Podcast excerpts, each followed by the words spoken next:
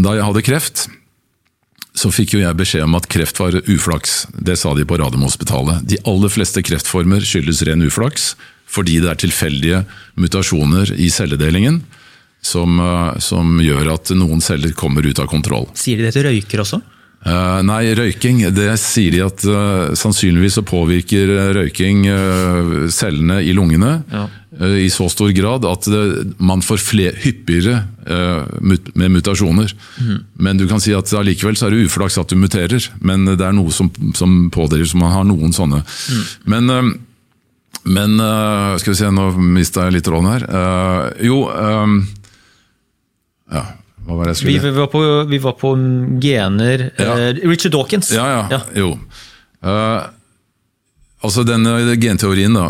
Um, så sier man da innenfor kreftforskningen at uh, kreft er en genetisk sykdom. Det er altså tilfeldigheter som gjør at du får mutasjoner, og som kroppens immunceller da ikke klarer å ta seg av, og dermed så får du en kreftutvikling. Uh, Eh, så har det da kommet ny forskning som sier at nei, nei, nei, nei, dette er helt feil. Det er noe helt annet som er årsaken til kreft. Og det er at energiomsetningen i cellene er ødelagt. Fordi cellens en av de aller viktigste oppgaver inni en eh, hvilken som helst uh, flercellet organisme, er at cellen må produsere energi. Mm. Vi har en energiproduksjon i noen sånne små energigeneratorer som vi kaller for mitokondrier som ser ut som sånne små bakterier som er inni cellen. Og Vi har altså fra et par hundre til et par tusen av sånne inni hver celle. Jo mer du trener, jo flere får du, for da trenger du mer energi. ikke sant?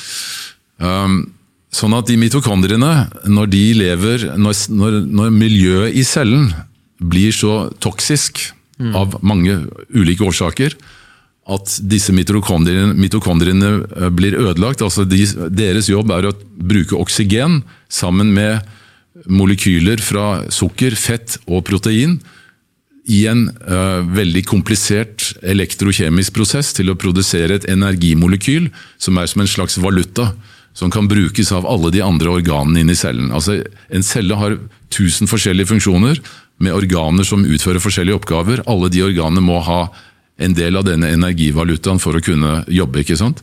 Akkurat som når, hver gang jeg løfter armen, så krever det energi. Mm. Det som som de sier da i den nye kreftforskningen, er at når disse kraftstasjonene blir ødelagt, så eh, mister eh, cellen eh, hele kontakten med det miljøet rundt den, og så begynner den en krampaktig kamp for å overleve. Og da begynner den å generere energi på en sånn urmåte ved at den fermenterer sukker.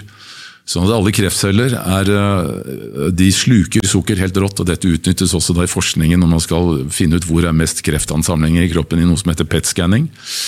Men poenget er det at eh, det er ikke da genene alene som har gjort at, eh, at det blir en kreftcelle, men det er energiomsetningen som gjør at genene er nødt til å endre seg for å derigjennom derigjennom kunne endre eh, energiomsetningen for at cellene skal kunne overleve, så mutasjonen tvinges frem av det bakenforliggende miljøet i cellen. Sånn at Genene er i prinsippet en byggetegning som forteller hvordan eh, de forskjellige eh, tingene skal utføres i cellen, men genene er altså helt statiske.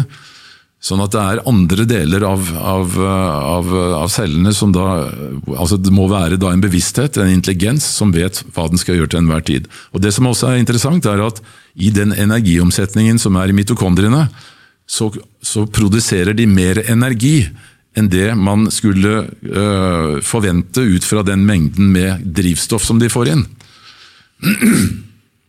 altså Hvis du tenker at en bil da kjører en mil på en liter bensin, mm så kjører altså en mitokondrie ti mil på en liter bensin, eh, mens den egentlig bare skulle kjøre én mil. Og Så kan du spørre hvor, hvor kommer resten av det kraftreservoaret da, fra? Det kan man heller ikke svare på. ikke sant? Mm.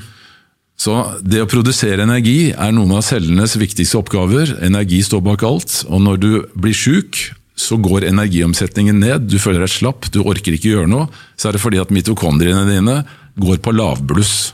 Mm i enkelte deler av kroppen. ikke sant?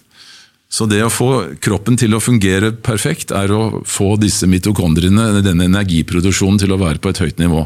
Når du trener, så forteller du cellene dine at du trenger flere mitokondrier, for, å, for du må trenge trenger mer energi, og så utvikles det flere mitokondrier. Når du ligger på sofaen, så taper du antallet, ikke sant. Mm. Dette ser man nå helt tydelig. Sånn at, eh, som han Tom Seafried sier, som da har ledet denne forskningen på et universitet i Boston, han sier at når du ser hele denne sammenhengen med hvordan altså miljøet i cellene eh, påvirker mitokondriene og energiomsetningen, som igjen da påvirker den genetiske strukturen, så må du være altså helt komplett uh, naiv for å tro at kreft er en ren genetisk sykdom.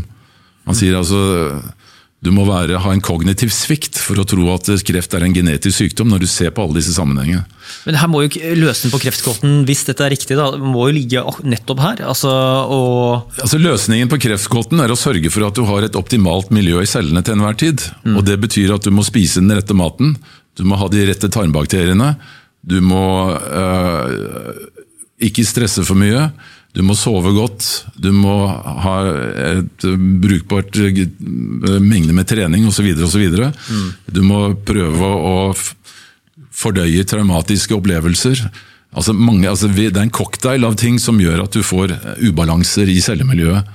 Og Når de ubalansene blir for mange, og du bygger seg opp øh, gjennom et langt liv, mm. så til slutt så klarer ikke cellene å, å, si, puste lenger, og så må de ta et grep. Enten så må de ta livet av seg, eller så må de endre hele systemet sant, for å prøve å overleve. Mm. Og Det er det som er, skjer da, i, spesielt i kreftceller. Sier denne nye forskningen, som da nesten ingen vil høre på. Som han Seafred sier, at når du forteller dette til onkologer, så er det de er like lydhøre som om du skulle snakka til et støpsel i veggen. ikke sant?